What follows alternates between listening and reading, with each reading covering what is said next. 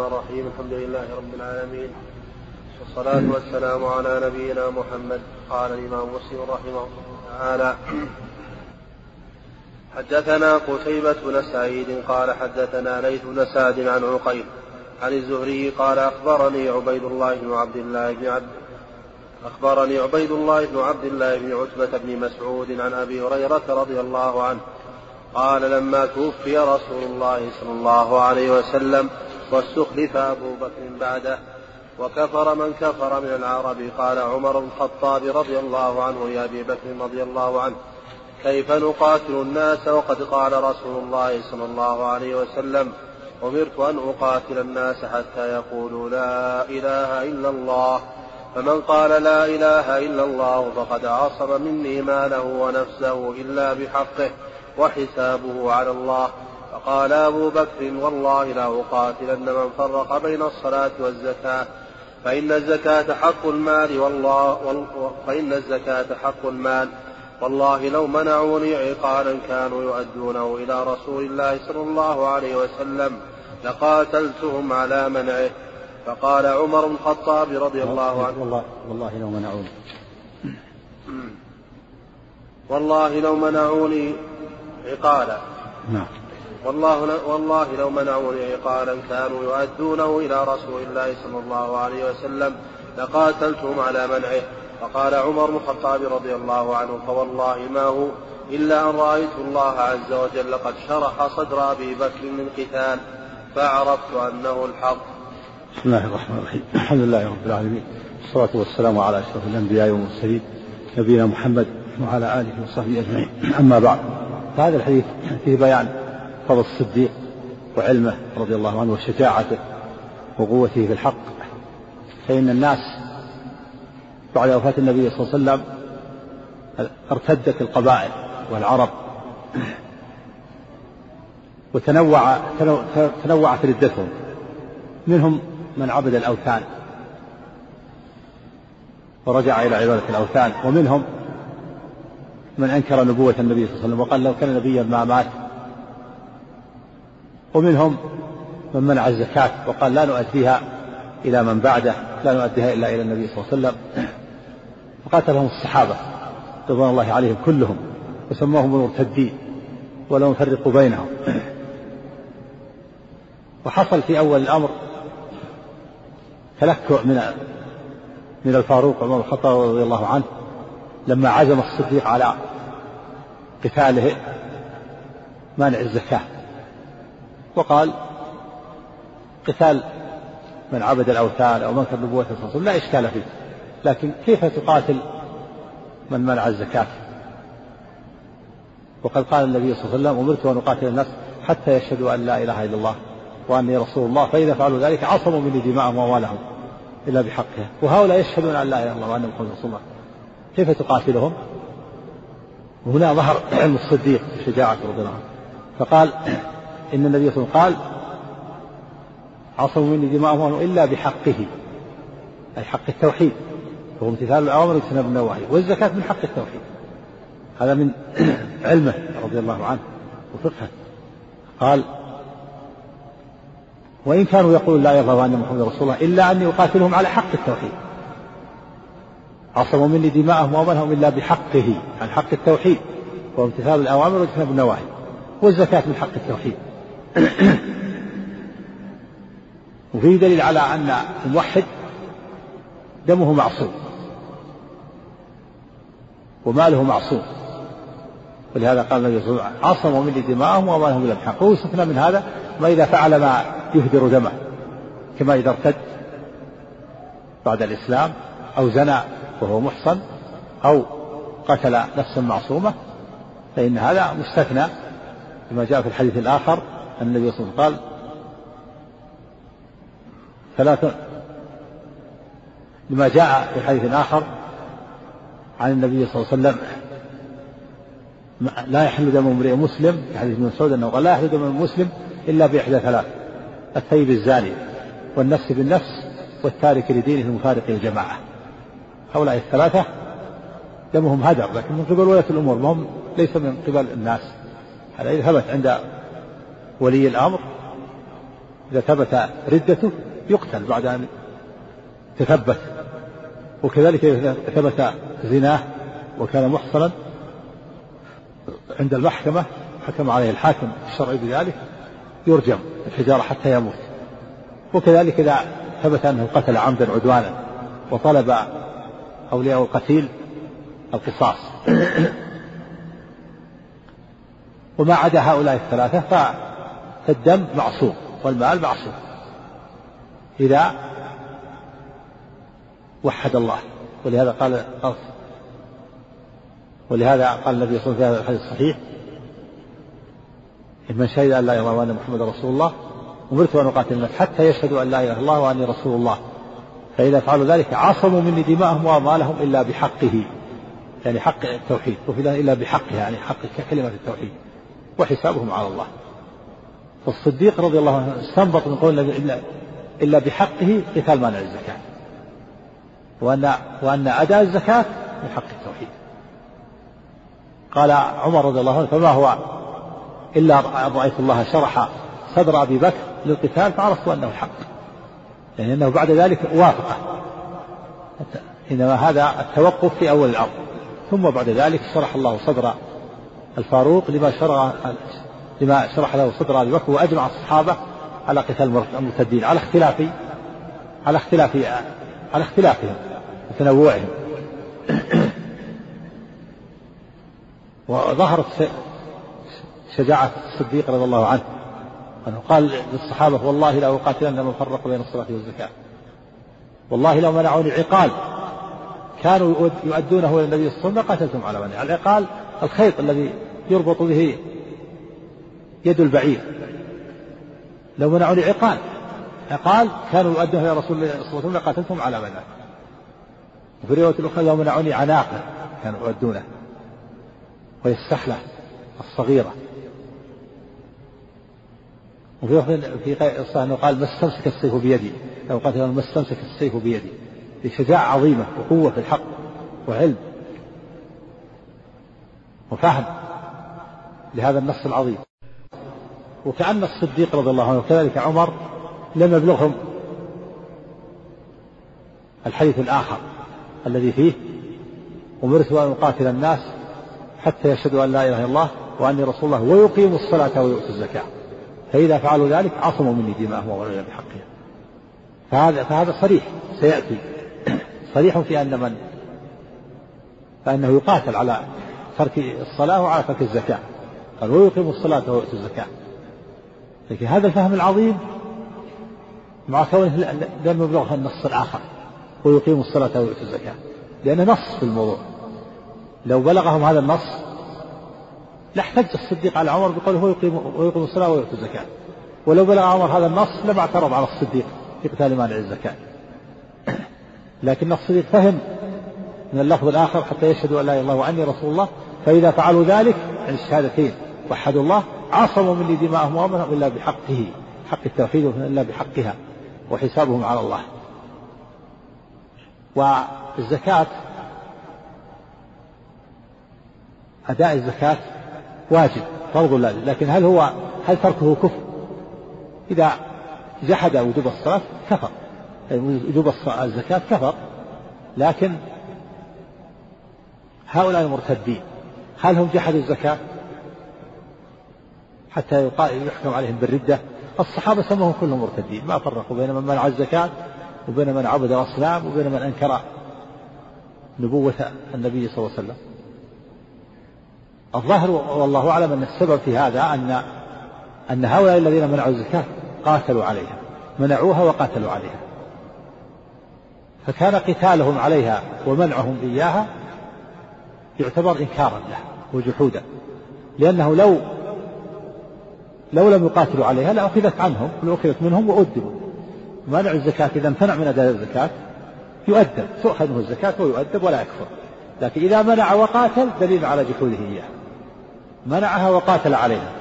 هؤلاء المرتدين منعوا الزكاة وقاتلوا الصحابة عليها. فلما جمعوا بين الأمرين المنع والقتال اعتبر أن هذا جحود. اعتبر عملهم منعهم مع مع القتال عليها جحودا لها. إشكال النووي؟ النووي كلام في هذا. تكلم النووي على المسألة دي. قد بينا إن أهل الرده كانوا اصنافا. منهم من ارتد عن الملة ودعا إلى نبوة سيدنا غيره. ومنهم من ومنهم نعم منهم ارتد ودعا يعني بني حنيفة وغيرهم. قالوا بنبوة مسيلمة. نعم نعم. ومنهم من ترك الصلاة والزكاة وأنكر الشرائع كلها. وهؤلاء هم الذين سماهم الصحابة كفارا ولذلك رأى أبو بكر رضي الله عنه سبي بلدهم وساعد على ذلك أكثر الصحابة. واستولد علي بن أبي طالب رضي الله عنه جارية من سبي بني حنيفه نعم واستولد واستولد علي بن أبي طالب رضي الله عنه جارية من سبي بني حنيفة فولدت له محمد الذي يدعى محمد بن حنفية معروف نعم.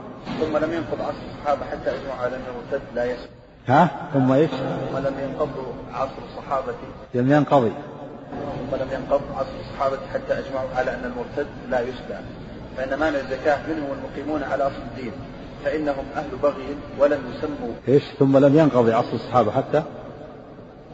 ثم لم ينقضوا عصر الصحابة حتى أجمعوا على أن المرتد لا يسبع نعم. فأما مانع الزكاة منهم المقيمون على أصل الدين فإنه المرتد؟ المرتد ما يسبع المرتد؟ دمه حلال وماله حلال. ما في شك. ماله يصير شيئا لبيت مال المسلمين إذا ارتد شخص حكم عليه بالردة يقتل ولا يرث ولا يتوقره المسلم ولا يكون المال ماله شيئا لبيت مال المسلمين كيف ما يكون كلام من هذا؟ ها؟ ليس بصحيح. ها؟ يعني استتر فإن وإلا قتل مرتدا وسبي ماله ويكون بيت مال المسلمين ما يرث ولا يرث. مرتد لا يرث ولا يرث. ثم لم ينقض حتى إيش؟ قال ثم لم ينقض عصر الصحابة حتى أجمعوا على أن المرتد لا لا يسبى لا يسبى؟ لا ليس بصحيح. غيره في كلام فأما مانع الزكاة منهم المقيمون على أصل الدين فإنهم أهل بغي ولم يسموا على الانفراد منهم كفارا. وإن كانت الردة قد أضيفت إليهم لمشاركتهم المرتدين في منع بعض ما منعوه من حقوق الدين. وذلك أن الردة اسم لغوي وكل من انصرف عن أمر كان مقبلا عليه فقد ارتد عنه. وقد وجد من هؤلاء القوم الانصراف عن الطاعة ومنع الحق وانقطع عنهم اسم الثناء والمدح بالدين. لا ليس بصحيح. هذا الكلام مو صحيح. أهل الردة ما سموا أهل الردة إلا كفار. ما أهل الردة ارتدوا عن الإسلام. ليس فيهم أحد منهم اللي ما هم مرتد ما يقاتل. يعزر قام عليه الحد. لكن مانع الزكاة لو لو لو لم يقاتلوا عليها أخذت منهم وتركوا. تؤخذ منهم ويؤدبون وتتركون. فإذا منع شخص أو جماعة الزكاة يؤخذ منه يأخذها منه ولي الأمر قهرا ويؤدبهم يؤدبون بالحبس أو بالضرب تأديبا يردعهم وتؤخذ منهم الزكاة ويتركون ولا يقتلون. لكن إذا جمع بين الأمرين منعها وقاتل عليها دل على جحوده له ما قاتل عليها مع منعه إلا, إلا أنه جاحد له. نعم. لا هذه ركن من أركان الإسلام. هذه.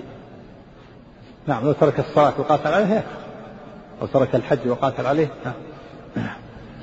نعم. قال في موضع آخر قال فإن قيل كيف كيف تأولت أمر كيف تأولت أمر الطائفة التي منعت الزكاة؟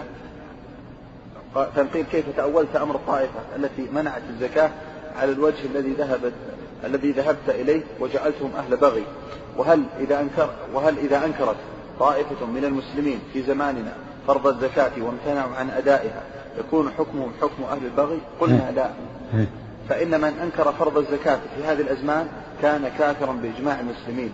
والفرق بين هؤلاء وأولئك أنهم إنما عذروا لأسباب وأمور لا نعم من أنكر هذا ما في إشكال. مو ببحث من أنكر. من أنكر فرض الصلاة هذا كافر بإجماع المسلمين وفرض الزكاة هذا كافر. لكن الكلام إذا أقر بها. إذا أقر بها ثم امتنع عن أدائها. على أن بعض العلماء يرى أن إنكار الزكاة على أن ترك الزكاة ولو انكرها كفر. لكن هذا خلاف الصواب. بعض العلماء يرى أن من من من ترك الزكاة من لم يزكي أو من لم يصم أو لم يحج كفر. ولو أقر بالوجوب. والصواب أنه لا يكفر إلا في ترك إلا في ترك الصلاة خاصة. إذا لم يجحد وجوب الزكاة أو وجوب الصوم أو وجوب الحج الصواب أنه عاصي ضعيف الإيمان. يؤدب ولا يكفر هذا هو الصواب لأن النبي صلى الله عليه وسلم لما ذكر تعذيب مانع الزكاة وأنه يعذب يوم القيامة بماله الإبل والبقر والغنم التي يبطح لها والمال الذي يصفح له قال ثم يرى سبيله إما إلى الجنة وإما إلى النار. فلو كان كافرا لم يكن له سبيل إلى الجنة. نعم. الله قرب العهد. ها؟ قرب العهد أو الجهل. ما يكون يعني بلى. إذا أنكره معروف أنه جاهل يعلم. إذا كان في بلاد بعيدة ولا يعرف حكمها لا شك. لا يكون عذر لابد يبلغ. نعم. نعم. ما ما تعرض له. نقل كلام الخطابي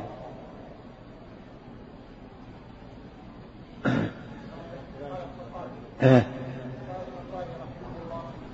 وإنما عارض الشبهة من تأول على الوجه الذي حكيناه عنه بكثرة ما دخله من الحد في رواية أبي هريرة وذلك لأن القصد به لم يكن سياق الحديث على وجهه وذكر قصة ولا وإيش وذلك؟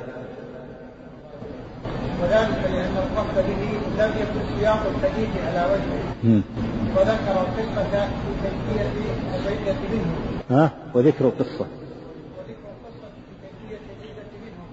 وإنما قصد به حكاية ما جرى بين أبي بكر وعمر رضي الله عنهما وما تنازعاه في استباحة قتاله ويشبه أن يكون أبو هريرة إنما لم يعني في جميع القصة اعتمادا على معرفة المخاطبين بها إذ كانوا قد علموا كيفية القصة.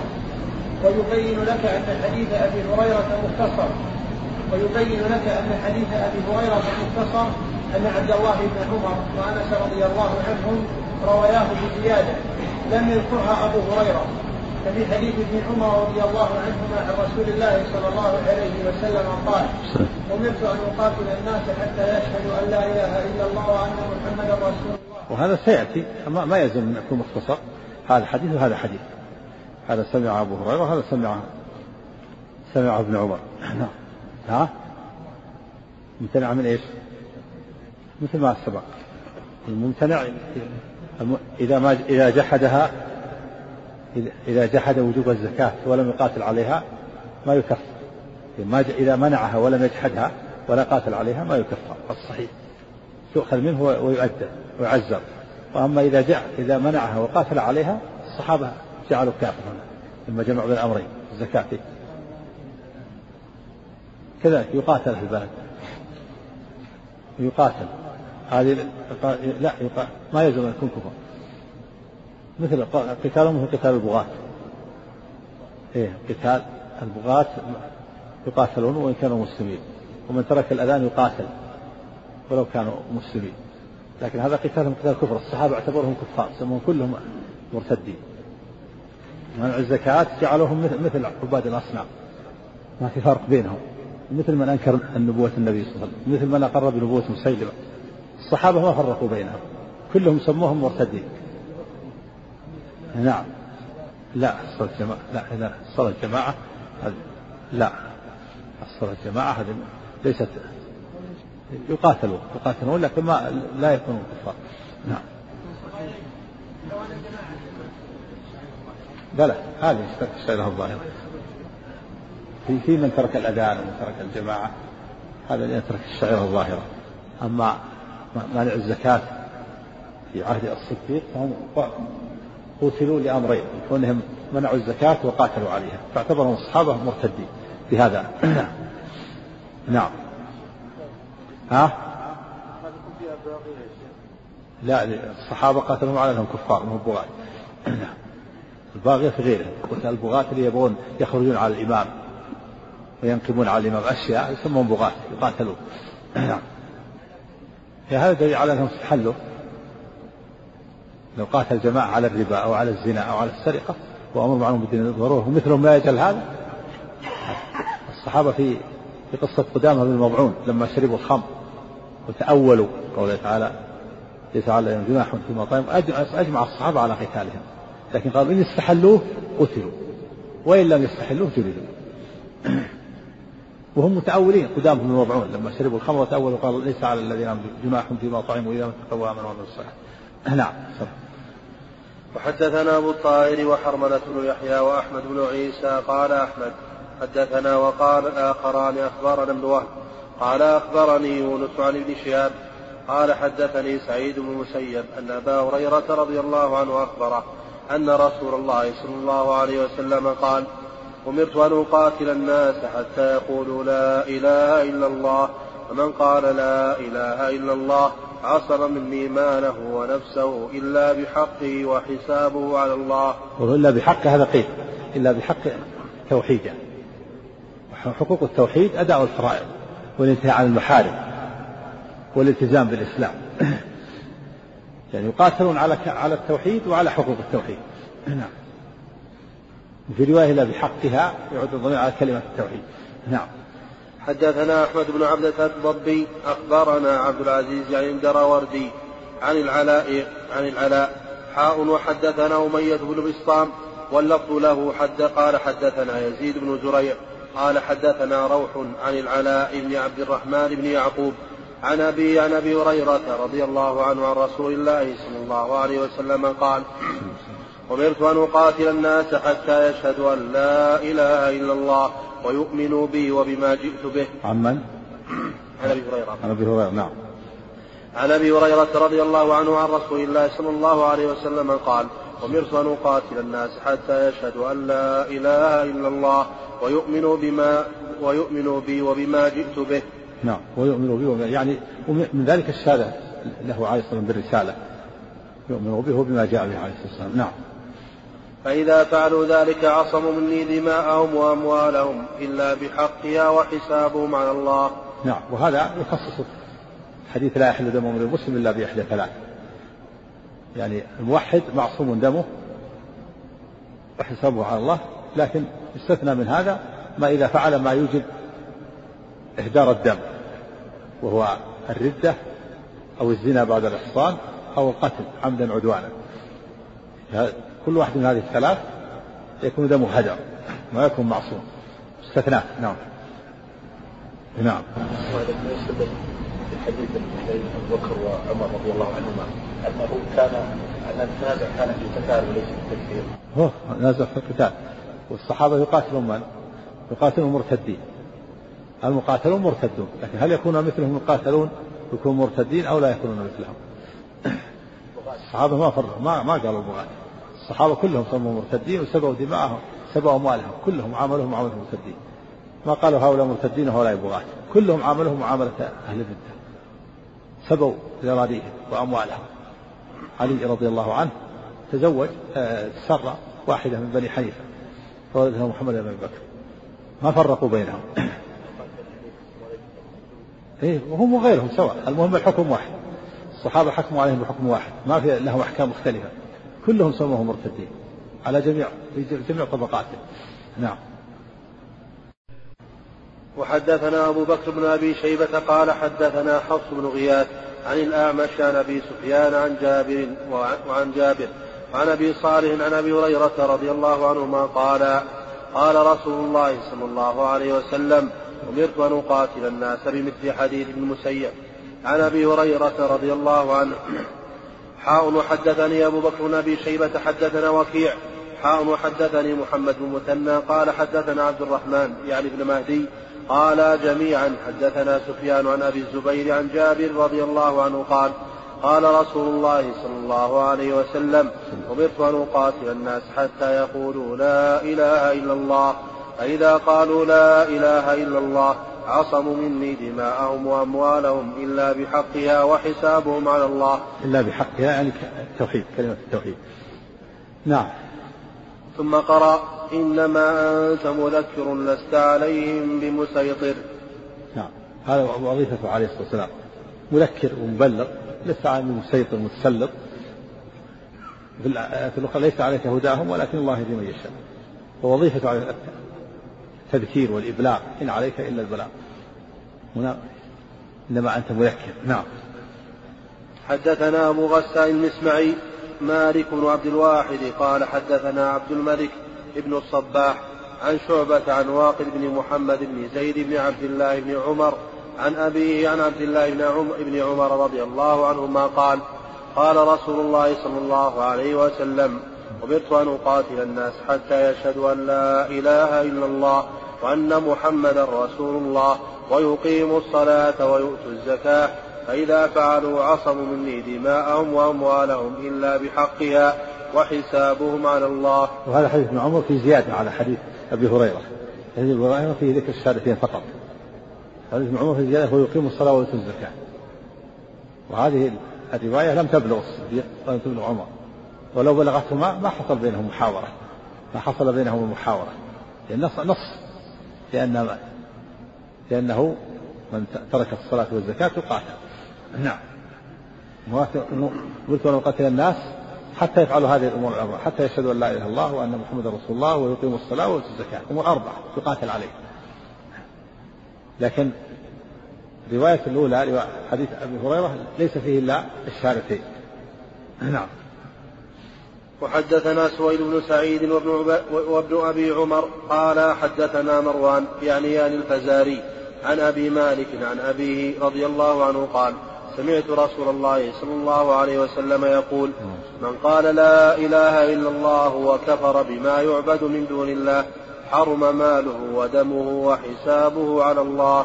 وهذا فيه اشتراط الإخلاص في كلمة التوحيد. يقول هو كفر بما يعبد من دون الله. من قال لا إله إلا الله وكفر بما يعبد من الله حرم ماله ودمه وحسابه على الله. فيه اشتراط الإخلاص وأن وأن من قال هذه الكلمة وأشرك مع الله فلا فلا يحرم دمه ولا ماله. رحمك الله. ولهذا قال من قال لا إله إلا الله وكفر بما يعبد من دون الله. وفي رواية من قال لا إله إلا الله خالصا من قلبه وفي لفظ مخلصا والمعنى واحد. لا بد من الإخلاص التوحيد مع الإخلاص. فإذا دخل الشرك التوحيد فسد. إذا دخل هذا التوحيد شرك فسد وبطل ولهذا لابد من الأمرين. وقال لا إله إلا الله وكفر بما يعبد من دون الله. أما من لم يكفر بما يعبد من دون الله ما يكون مسلم. كفر بما يعبد من الله هذا هو الكفر بالطاغوت. لا بد من الأمر. كفر بالطاغوت وإيمان بالله. فمن لم يكفر بالطاغوت ما يكون مخلص يكون مشرك يكون يعبد الله ويعبد غيره معه فلا يكون مخلصا. لا بد من الإخلاص يعبد الله وحده دون ما سواه ويكفر بما يعبد من دون الله. كما قال الله تعالى قد كانت لكم أسوة حسنة في إبراهيم والذين معه إذ قالوا لقومهم إنا براء منكم ومما تعبدون من دون الله. كفرنا بكم وبدا بيننا وبينكم العداوة والبغضاء أبدا حتى تؤمنوا بالله وحده. لا بد من الكفر بالطاغوت لا بد من الكفر بما يعبد من دون الله لابد من البراءة من كل معبود سوى الله وإلا فلا فلا فلا توحيد لا توحيد إلا بذلك إلا بإيمان بالله وكفر بالطاغوت. نعم. وحدثنا أبو بكر هذا يعني من أدلة شروط لا إله إلا الله الإخلاص هذا من أدلتها نعم. وحدثنا أبو بكر بن أبي شيبة قال حدثنا أبو خالد الأحمر حاون حدثني زهير بن حرب قال حدثنا يزيد بن هارون كلاهما عن أبي مالك عن أبيه أنه سمع أنه سمع النبي صلى الله عليه وسلم يقول من وحد الله ثم ذكر بمثله. من وحد الله. هذا دليل على أن المراد من كلمة التوحيد كلمة الشهادة التوحيد. ليس المراد قولها باللسان فقط قال من وحد الله. من وحد الله. هذا تفسير لقوله من قال لا إله إلا الله. المعنى واحد. الحديث النصوص تفسر بعضها بعضا من قال لا إله إلا الله يعني وحد الله المراد المعنى. المراد المعنى ليس المراد قولها باللسان فقط بل المراد المعنى والعمل. يقولها عن توحيد وإخلاص. نعم. وحدثني حرملة بن يحيى التجيبي قال أخبرنا عبد الله بن وهب قال أخبرني يونس عن ابن شهاب قال أخبرني سعيد بن عن أبيه قال لما حضرت أبا طالب الوفاة جاءه رسول الله صلى الله عليه وسلم فوجد عنده أبا جهل وعبد الله بن أبي أمية بن المغيرة فقال رسول الله صلى الله عليه وسلم يا عم قل لا إله إلا الله كلمة أشهد لك بها عند الله. فقال أبو جهل وعبد الله بن أبي أمية يا أبا طالب أترغب عن ملة عبد المطلب؟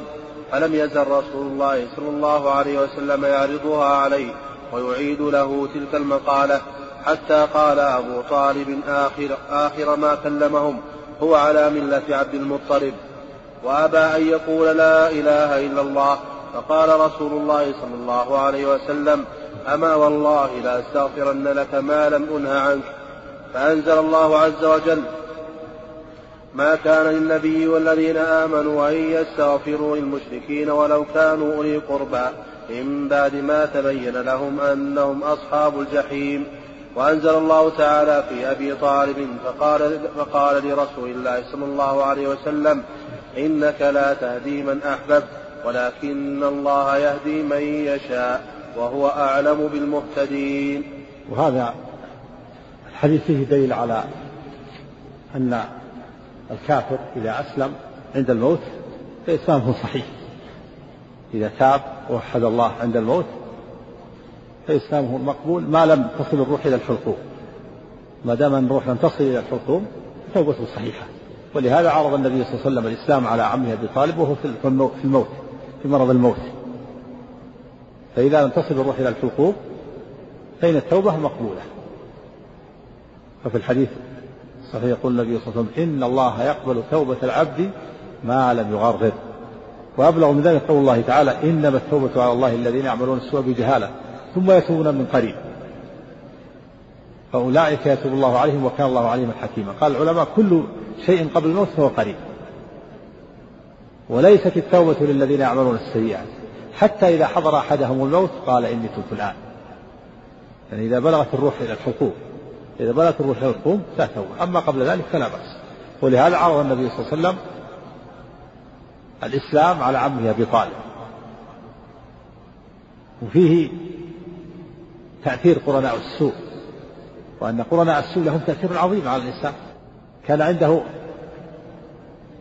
أبو جهل وعبد الله بن أبي أمية قرنا سوء فقال له أترغب عن ملة أبيك عبد المطلب؟ ملة عبد المطلب هي الشرك. ملة هي الشرك عبادة الأصنام والأوثان. ذكراه الحجة الملعونة وهي اتباع الآباء والأجداد في الباطل.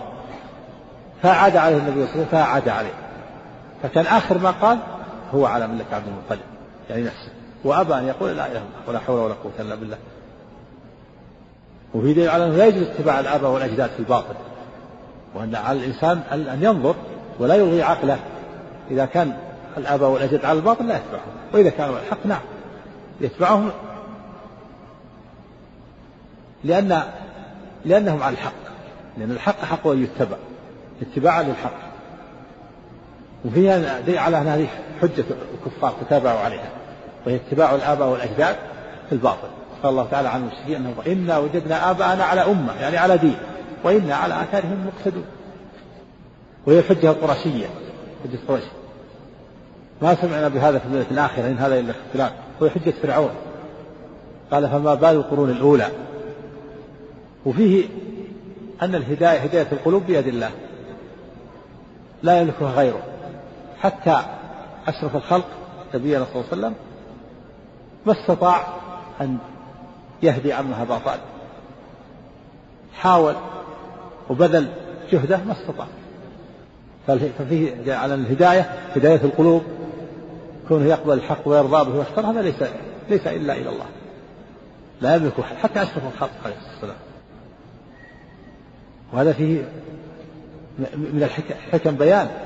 بيان أن الرسول وهو أشرف الخلق عليه الصلاة والسلام لا يملك شيئا من هداية القلوب. وأن هذا مختص بالله عز وجل. وفي تسلية لمن بعد الرسول من الدعاة ومن غيرهم. تسلية لهم. إذا كان الرسول صلى الله عليه وسلم أشرف الخلق ولم يستطع هداية عمه فأنت من باب أولى. حتى صار مثل يضرب. ويقال النبي ما هدى عمه. هو أشرف الخلق عليه الصلاة والسلام. ما استطاع. لكن الرسول عليه الصلاة والسلام يملك هداية الدلالة والإرشاد والوعظ. كذلك غيره من الأنبياء ومن الدعاة قال الله تعالى وإنك لتهدي إلى صراط مستقيم. هذه هداية الدلالة والإرشاد والوعظ. هذه يملكها الرسول والدعاء. أما هداية القلوب هي المنفي عن عن النبي صلى الله عليه وسلم. يقول إنك لا تهدي من أحببت. أنزل الله هذه تسلية له عليه الصلاة والسلام. أنزل الله إنك لا تهدي من أحببت ولكن الله يهدي من يشاء وهو أعلم بالمهتدين وفي دليل على أنه لا يجوز استغفار المشركين. لما مات على الشرك لا يستغفر له ولا يدعى له ولا يحج عنه ولا يتصدق عنه. ولهذا قال النبي صلى الله عليه وسلم لك ما لم أنه عنه فنهي. أنزل الله ما كان للنبي والذين آمنوا. أن يستغفروا للمشركين ولو كانوا أولي قربى من بعد ما تبين لهم أنهم أصحاب الجحيم. فمن مات على الشرك أو مات على دين الجاهلية لا يدعى له ولا يستغفر له ولا يصدق عنه ولا يحج عنه ولا يعتبر نعم. مقتصر على قول لا إله إلا الله وهذا يعني مع حقوقها كما في الحديث إلا بحقها. نعم. ومعرفة الله تعالى بها الأحسن أن يقال فيه دليل على أن أول واجب كلمة التوحيد؟ أول واجب على العبد هو التوحيد. أحسن مما قال النووي. خلافا لأهل البدع القائلين أول واجب الشك أو النظر أو القصد إلى النظر. بعض أهل البدع يقول أول ما يجب على الإنسان يشك فيما حوله ثم ينتقل من الشك إلى اليقين. بعضهم يقول أول واجب النظر تأمل والقصد هذه أقوال باطل أول واجب على الإنسان التوحيد. ولهذا لما بعث النبي معاذ إلى اليمن قال له فليكن أول ما تدعوهم إليه؟ شهادة أن لا إله قال أمرت أن أقاتل حتى يشهدوا أن لا إله ما قال حتى يشكوا أو ينظروا أو يتأملوا. قصد النووي أن يقول أن ما يقوله أهل البدع من أن الواجب أن الشك والنظر باطل. لكن الأولى أن يقول أول واجب. فيه دليل على أن أول واجب هو التوحيد. أول واجب على الإنسان هو التوحيد. لا الشك ولا النظر إلى ولا النظر ولا قصد النظر كما هي أقوال لأرباب أهل الكلام المذموم. نعم. وحدثنا إسحاق بن إبراهيم وعبد بن حميد قال أخبرنا عبد الرزاق أخبرنا معمر حاء وحدثنا حسن الحلواني وعبد بن حميد قال حدثنا يعقوب وهو ابن وهو ابن إبراهيم. وهو ابن إبراهيم بن سعد قال حدثني أبي عن صالح كلاهما عن الزهري بهذا الإسناد مثله غير أن حديث صالح انتهى عند قوله فأنزل الله عز وجل فيه ولم يذكر الآيتين وقال في حديثه ويعودان في تلك المقالة وفي حديث معمر مكان هذه الكلمة فلم يزالا به. فلم يزال به يعني. أبو جهل وعبد الله بن أمية. نعم. حدثنا محمد بن عباس. يعني ينبغي الإنسان أن يبتعد عن قرناء السوء وأن يصحب الأخيار ويبتعد عن قرناء السوء. فهو قرناء السوء أثروا عليه. نسأل الله العافية. وهو عارف في دليل على على أن معرفة الإنسان بالحق إذا لم يعمل به لا ينفعه. بعض الناس يقول أنا عارف أن هذا هو الحق. طيب إذا كنت عارف ولم تعمل ما يفيدك المعرفة. أبو طالب عارف. حتى إنه قال في قصيدة معروفة ولقد علمت.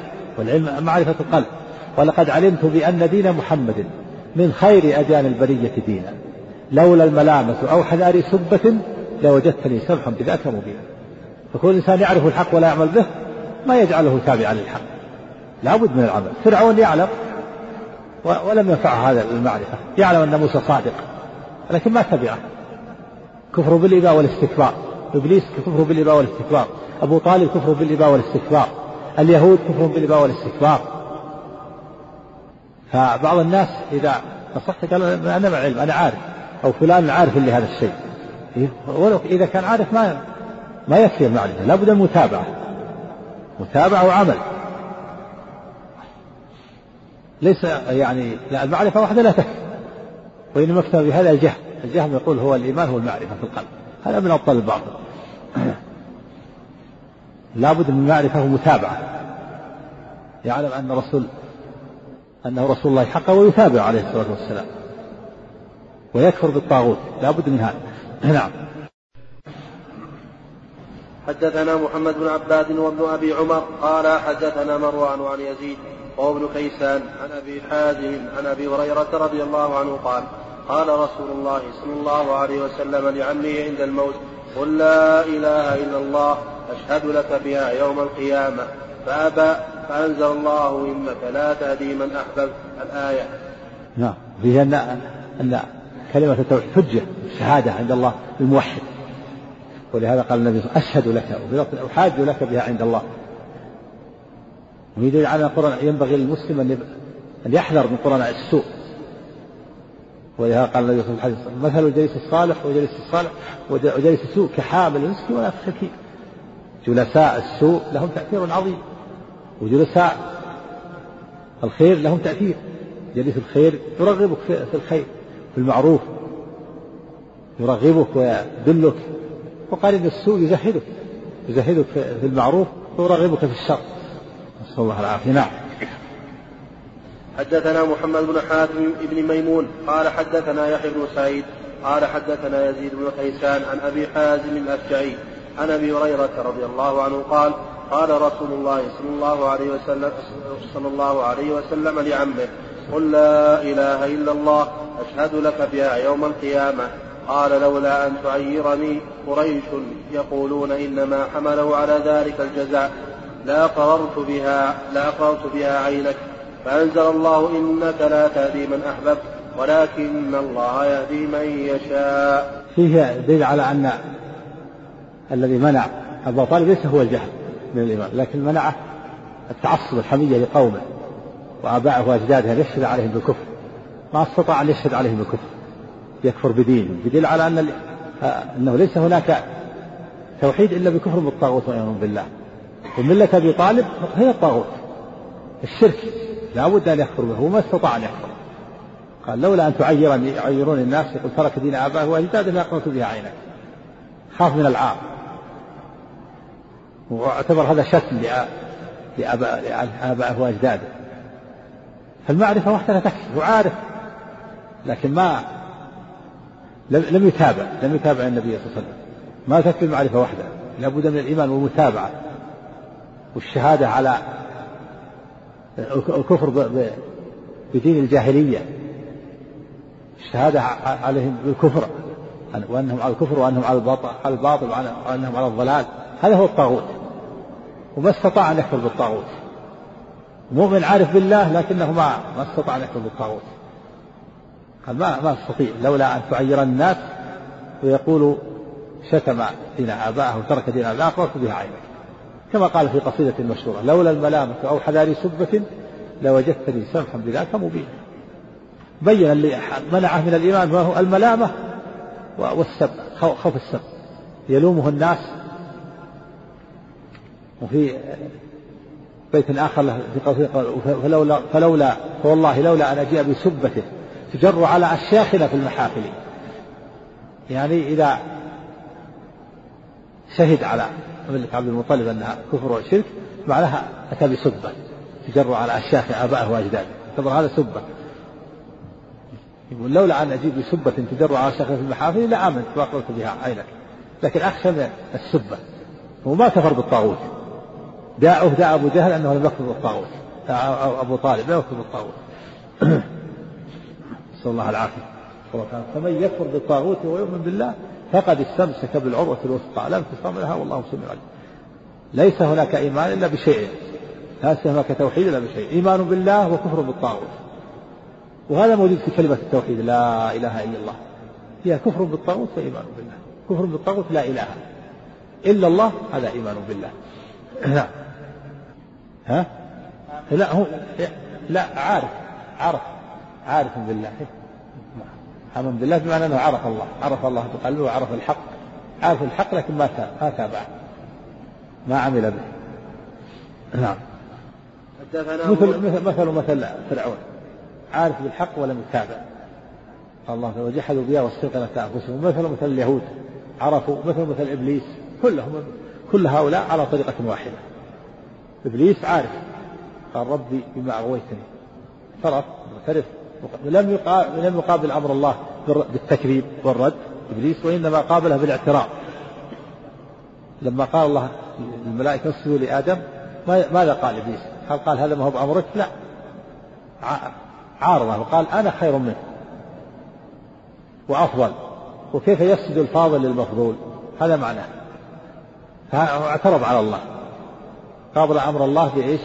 بالاعتراض بالإباء والاستكبار لا بالرد والتكذيب ما كذب. وهذا أمر الله يخاطب ربه.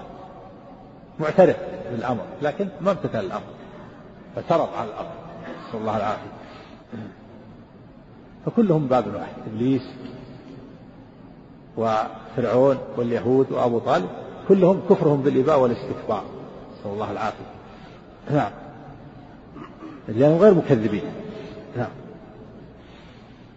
حدثنا أبو بكر بن أبي شيبة وزهير بن حرب كلاهما عن إسماعيل بن إبراهيم عن إسماعيل بن إبراهيم قال أبو بكر حدثنا ابن علي عن خالد قال حدثني وليد بن مسلم عن حمران عن عثمان رضي الله عنه قال قال رسول الله صلى الله عليه وسلم من مات وهو يعلم أنه لا إله إلا الله دخل الجنة.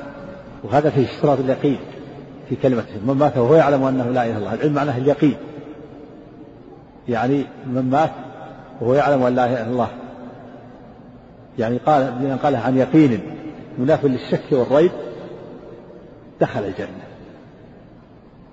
وإذا قالها عن يقين وشك عن يقين منافي للشك والريب فإنه لا بد أن يلتزم بحقوقها. ومن قالها عن يقين وصدق وإخلاص لا يقع في عمله شرك. فإذا وقع في عمله شرك دل على ضعف الإخلاص وضعف اليقين. إذا ضعف اليقين جاءت الغفلة فوقع في المعاصي. وإذا قوي اليقين ذهبت الغفلة. يؤتى الإنسان من من ضعف اليقين. من قال لا إله إلا الله وهو من قال لا من مات وهو يعلم أن لا إله إلا الله دخل الجنة. هذا في اشتراط اليقين العلم واليقين. المنافي للشك والريب كما سيأتي في الأحاديث الأخرى. نعم. حدثنا محمد بن أبي حدثنا محمد بن أبي بكر المقدمي قال حدثنا بشر بن المفضل قال حدثنا قارن الحذاء عن الوليد أبي بشر قال سمعت حمران يقول سمعت عثمان رضي الله عنه يقول سمعت رسول الله صلى الله عليه وسلم يقول مثله مثله سواء. حدثنا أبو بكر بن نضر ابن أبي النضر وأما معنى الحديث جمع وقد جمع فيه القاضي عياض رحمه الله كلاما حسنا جمع فيه نفائس فأنا أنقل كلامه مستقبلا ثم أظن ثم أظن بعده إليه ما حضرني زيادة قال القاضي عياض رحمه الله اختلف الناس في من عصى الله تعالى من أهل الشهادتين فقالت المرجئة لا تضره المعصية مع الإيمان وقالت الخوارج تضره ويكفر بها وقالت المعتزلة يخلد في النار إذا كانت معصيته كبيرة ولا يوصف بأنه مؤمن ولا كافر ولكن يوصف بأنه فاسق وقالت الأشعرية بل هو مؤمن وإن لم يغفر له. ها؟ قالت الأشعرية. وقالت الأشعرية بل هو مؤمن وإن لم يغفر له وإن لم يغفر له وعذب. فلا بد من إخراجه من النار وإدخاله الجنة. هذا مثل سبق. سبق هذا في الدرس الماضي قلنا إن أفسد ما قيل في تعريف الإيمان الجهل وأن الإيمان هو المعرفة. والخوارج يرون أن الإيمان هو جميع جميع الأعمال كلها لكن إذا ترك واحدا منها كفر. والمعتزلة إذا فعل معصية خرج من الإيمان ولم يدخل في الكفر بل يكون في منزلة بين المنزلتين والمرجئة المحضة يقول الإيمان هو مجرد المعرفة. نعم. نعم. الله عنك القاضي عياض ما عليه شيء ها؟ عقيدة ما مالكي القاضي عياض من المالكية. أقصد العقيدة عفى الله عنك. هو قال وقالت الأشعرية؟ هو ما يؤول يعني رحمه الله في بعض الأشياء. نعم له له بعض التأويلات. يمكن الأقرب على طريقة الأشعار. نعم. حدثنا أبو بكر بن حدثنا أبو بكر بن ابن النضر بن أبي النضر. قال حدثني أبو النضر هاشم بن القاسم. قال حدثنا عبيد الله الأشجعي عن مالك بن مغول عن طلحة بن مصرف عن أبي صالح عن أبي هريرة رضي الله عنه قال كنا مع النبي صلى الله عليه وسلم في مسير قال فنفدت أزواد القوم. قال حتى هم. حتى هم بنحر بعض حمائلهم. ها؟ حتى؟ قال حتى هم بنحر بعض حمائلهم. نعم. يعني نفدت نفد طعامهم حتى هموا بأن ينحروا بعض الإبل يأكلوا منها لقلة طعام. نعم قال فقال عمر يا رسول الله لو جمعت ما بقي من أزواج القوم فدعوت الله عليها. قال ففعل. قال فجاء ذو البر. البر ببره. نعم. حتى قال فجاء ذو البر ببره. نعم. وذو التمر بتمره. قال وقال مجاهد وذو النواة بنواه قلت وما كانوا يصنعون بالنوى. قال كانوا يمصونه ويشربون عليه الماء. قال فدعا عليها. قال حتى ملأ القوم أزودتهم أزودتهم قال فقال عند ذلك أشهد أن لا إله إلا الله وأني رسول الله. لا يلقى الله بهما عبد غير شاك فيهما إلا دخل الجنة. الله أكبر. وهذه القصة فيها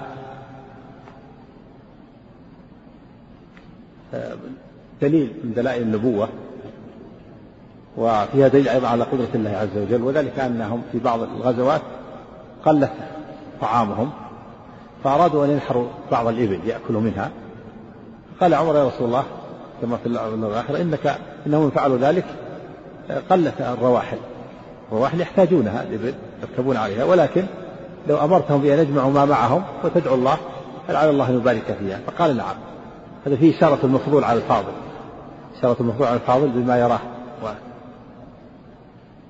فأخذ النبي صلى الله عليه وسلم بمشورة عمر وجاء كل واحد يأتي بما عنده. جاء ذو البر ببره اللي عنده شيء من البر يأتي به يأتي بكف يضعه. واللي عنده تمر يأتي بما يستطيع تمرة تمرتين. واللي عنده نوى حتى الفصل هذا العبث يضعها. قال ما تفعل ما تفعل ماذا تفعلون بها؟ قال نصها فيها شيء أثر من طعام بقلته يدل على ما اصاب الصحابة من الشدة رضي الله عنهم وأرضاهم. ولا ولم يضرهم ذلك. بلغوا دين الله وجاهدوا في سبيل الله ونشروا دين الله ولم يضرهم ما أصابهم. فاجتمع شيء من ذلك فدعا الرسول صلى الله عليه وسلم بالبركة فأنزل الله فيها البركة حتى ملأوا أوعيتهم أكلوا وشبعوا. هذا فيه دليل على قدرة الله وأن الله سبحانه وتعالى على كل شيء قدير. إنما أمره إذا إذا أراد شيئا أن يقول له كن فيكون. فيه دلائل من دلائل النبوة تكثير الطعام. هذه من علامات النبوة. ثم قال النبي بعد ذلك لما رأى هذا قال أشهد أن لا إله إلا الله وأني رسول الله. لا يلقى بها عبد لا يلقى الله بها عبد غير شاك إلا دخل الجنة وفي لفظ يحجب عن النار. وهذا هو الشاهد الشاهد قول غير شاك استراط اليقين. هذا هو معنى قوله في الحديث السابق وهو يعلم أن لا إله إلا الله لأنه لا بد من اشتراط اليقين في كلمة التوحيد. يقولها عن عن يقين مناف للشك والريب. نعم. حدثنا سهل بن عثمان وأبو كريب محمد بن علاء جميعا عن جميعا عن أبي معاوية قال أبو كريب حدثنا أبو معاوية عن الأعمش عن أبي صالح عن أبي هريرة رضي الله عنه أو, أو, عن, أو عن أبي سعيد رضي الله عنه شك الأعمش قال لما كان غزوة تبوك أصاب الناس مجاعة. قالوا يا رسول الله لو أذنت لنا فنحرنا نواضحنا فأكلنا وادهنا. فقال رسول الله صلى الله عليه وسلم افعلوا. نواضحنا؟ يعني الإبل. لو أذنت إذا أصابهم جوع مجاعة قالوا لو أذنت نذبح بعض الإبل فنأكل وندهن نأكل من لحمه وندهن قال نعم أذن النبي في أول الأمر. ثم جاء عمر وأشار بالرأي الآخر قال يا رسول الله إذا أذنت لهم قلت النواضح النواضح الإبل هي تحملنا إذا ذبح هذا وذبح هذا قلت. أين الرواحل؟ لكن لو أمرتهم أن يجمعوا ما عندهم ثم دعوت الله لعل الله أن يبارك فيها. فقال نعم فأخذ بمشورة عمر. عليه الصلاة والسلام. نعم. قال فجاء عمر فقال يا رسول الله إن فعلت قل الظهر. قل الظهر؟ الظهر سميت الإبل التي تحمله سميت الظهر لأنها يركبون عليها هي ظهورهم تحملهم نعم هي مثابة مثابة الآن هي المركوب. ليس عندهم مركوب إلا الإبل. هي مثابة السيارات. نعم. نعم. طبعا هذا لا بأس. جائز. مثل ما أمر عمر العباس أن يدعو لما لما أصابهم القحط. نعم. الحي الحاضر لا بأس يدعو الناس. نعم. ولكن ادعوهم بفضل أزواجهم ثم ثم ادعوا الله لهم بفضل أزواجهم يعني ما ما زاد ما زاد. نعم. ثم ادعوا الله لهم عليها بالبركة لعل الله يجعل في ذلك. فقال رسول الله صلى الله عليه وسلم نعم. قال فدعا بنطع فبسطه بنطع نطع شيء من جلد يشبه السفرة يعني السفر اللي يوضع عليها الطعام. نطع. شيء من الجلد. سفرة يعني يوضع عليها الطعام. نعم. ثم دعا بفضل أزواجهم قال فجعل الرجل يجيء بكف ذرة. قال ويجيء الآخر بكف تمر. قال ويجيء الآخر بكسرة حتى اجتمع على النطع. حتى اجتمع على النطع من ذلك شيء يسير. قال فدعا رسول الله صلى الله عليه وسلم بالبركة.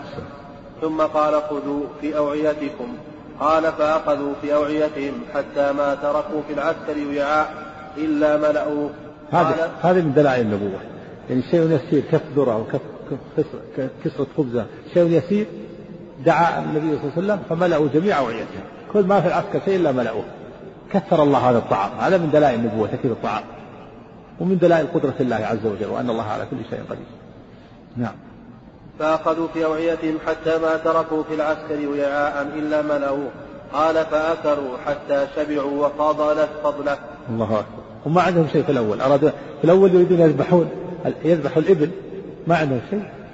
فلما جمعوا ما عندهم جعلهم ملأوا كل شيء في العسكر وأكلوا وشبعوا وبقي شيء. بقي شيء زيادة. بقيت فضله نعم.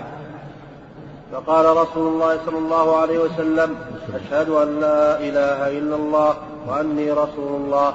لا يلقى الله بهما عبد غير شاك فيحجب عن الجنة. نعم فيحجب عن الجنة. وفي الأولى فيدخل الجنة. لا يلقى الله بها عبد غير شاك إلا دخل الجنة. هنا فيحجب عن الجنة. هو المعنى واحد. يعني من قالها عن آه، يقين مناف للشك والريب لا يحجب عن الجنة. نعم. لا يلزم من دخول الجنة من أول وهلة. إذا قال إذا قوي اليقين ما إذا قوي اليقين وهو الصدق والإخلاص ما ما ما توجد الشبهات ولا الشهوات تحرق الشبهات. هذا الإخلاص والصدق يحرق الشبهات. وإذا ضعفت في القلب جاءت الشبهات والشهوات. إذا مات عليها من غير توبة إذا ضعف اليقين والإخلاص وفعل معاصي من غير توبة هذا تحت المشيئة. وإذا قوي اليقين أو قوي الصدق والإخلاص لا يصر على معصية في هذه الحالة إنما يصر عند ضعف عند الضعف. ضعف اليقين وضعف الصدق والإخلاص أصر على المعاصي. نعم. حدثنا داود بن, رش... ابن... ابن رشيد قال حدثنا وليد يعني ابن, ابن مسلم عن أبي عن ابن أبي جابر قال حدثني عمر بن إيش؟ إيش؟ حدثني. حدثنا داود بن رشيد قال حدثنا الوليد يعني ابن مسلم عن عن ابن عن ابن جابر عن ابن أبي جابر عندك؟ عن ابن جابر ها؟ والنسخة الثانية ها؟ ما في أبي عندكم؟ عندك ابن أبي؟ ها؟ عن ابن جابر نعم ها الدمشقي إيه نعم عن ابن جابر قال حدثني عمير بن هانئ قال حدثني جنادة بن أبي أمية قال حدثنا عبادة بن الصامت رضي الله عنه قال قال رسول الله صلى الله عليه وسلم من قال أشهد أن لا إله إلا الله وحده لا شريك له وأن محمدا عبده ورسوله وأن عيسى عبد الله وابن, أم وابن أمته وكلمته ألقاها إلى مريم وروح منه وأن الجنة حق وأن النار حق أدخله الله من أي أبواب الجنة الثمانية شاء. نعم وهذا في فضل كلمة التوحيد في فضل التوحيد وأن وأن أهل التوحيد من مات على التوحيد فهو على فهو من أهل الجنة إن عاجلا وآجلا إن مات على توحيد خالص لم يصر فيه على المعاصي دخل الجنة من أول وهلة وإن صر على بعض المعاصي فهو تحت المشيئة لكن معه الجنة والسلام. قال من شهد أن لا إله إلا الله يعني يعني وحد الله ليس المراد النطق باللسان. نعم. وحدثني أحمد بن إبراهيم الدورقي قال حدثنا مبشر بن إسماعيل عن الأوزاعي عن عمير بن هانئ في هذا الإسناد بمثله غير أنه قال أدخله الله الجنة على ما كان من عمل ولم يذكر من أي أبواب الجنة الثمانية شاء. حدثنا قتيبة بن سعيد قال حدثنا ليث عن ابن عجلان عن محمد بن يحيى بن حبان عن ابن محيريز عن السنابحي عن عبادة بن الصامت رضي الله عنه أنه قال دخلت عليه وهو في الموت فبكيت فقال مهلا لم تبكي؟ فوالله لئن استشهدت لاشهدن لك. بارك تكلم على على ما كان من العمل النووي. ها إيش قال؟ رحمك الله. قوله صلى الله عليه وسلم قال الله سنة على ما كان من عمل هذا محمول على إدخاله الجنة في الجملة فإن كانت له معاصي من الكبائر فهو في المشيئة. فإن عذب ختم له بالجنة. وقد تقدم هذا في كلام القاضي غير مبسوطا مع بيان الاختلاف فيه. نعم. يعني إن عاجلا أو آجلا على حسب إن مات على توحيد خالص ليس معه معاصي دخل من أول يوم. وإلا فهو تحت المشيئة. مات على كبائر صر عليها من غير توبة. نعم صنع. وفيه أنه لا بد من الإيمان بهذه الأمور. لا بد من الإيمان بالساعة والإيمان بالجنة والنار. والإيمان بأن عيسى عبد الله ورسوله حتى يخرج من معتقد النصارى. نعم. سم. حجة على أنه دخل الجنة يدخل الجنة من أول وهلة من شهد أن لا إله إلا الله. على على التفصيل. على التفصيل. إذا مات على توحيد الخالص من المعاصي دخل من أول وإن مات على أصر على معاصي وضعف الإخلاص تحت المشيئة. نعم.